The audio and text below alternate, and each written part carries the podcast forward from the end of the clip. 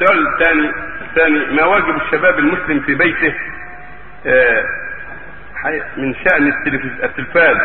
عندما يدخل البيت ويشاهد أغنية في التلفاز فهل يذهب إلى التلفاز ويقفله؟ الواجب على الشباب وغير الشباب.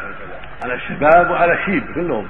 الواجب على الجميع إنكار المنكر ولا يختص هذا بالشباب بل على الرجل والمرأة والكبير والصغير. عليهم جميعا وعلى حسب تقواهم لله. وارادهم لله يكون الواجب أكبر. ومن عرف دين الله وعرف ما أوجب الله عليه صار واجبه أكبر.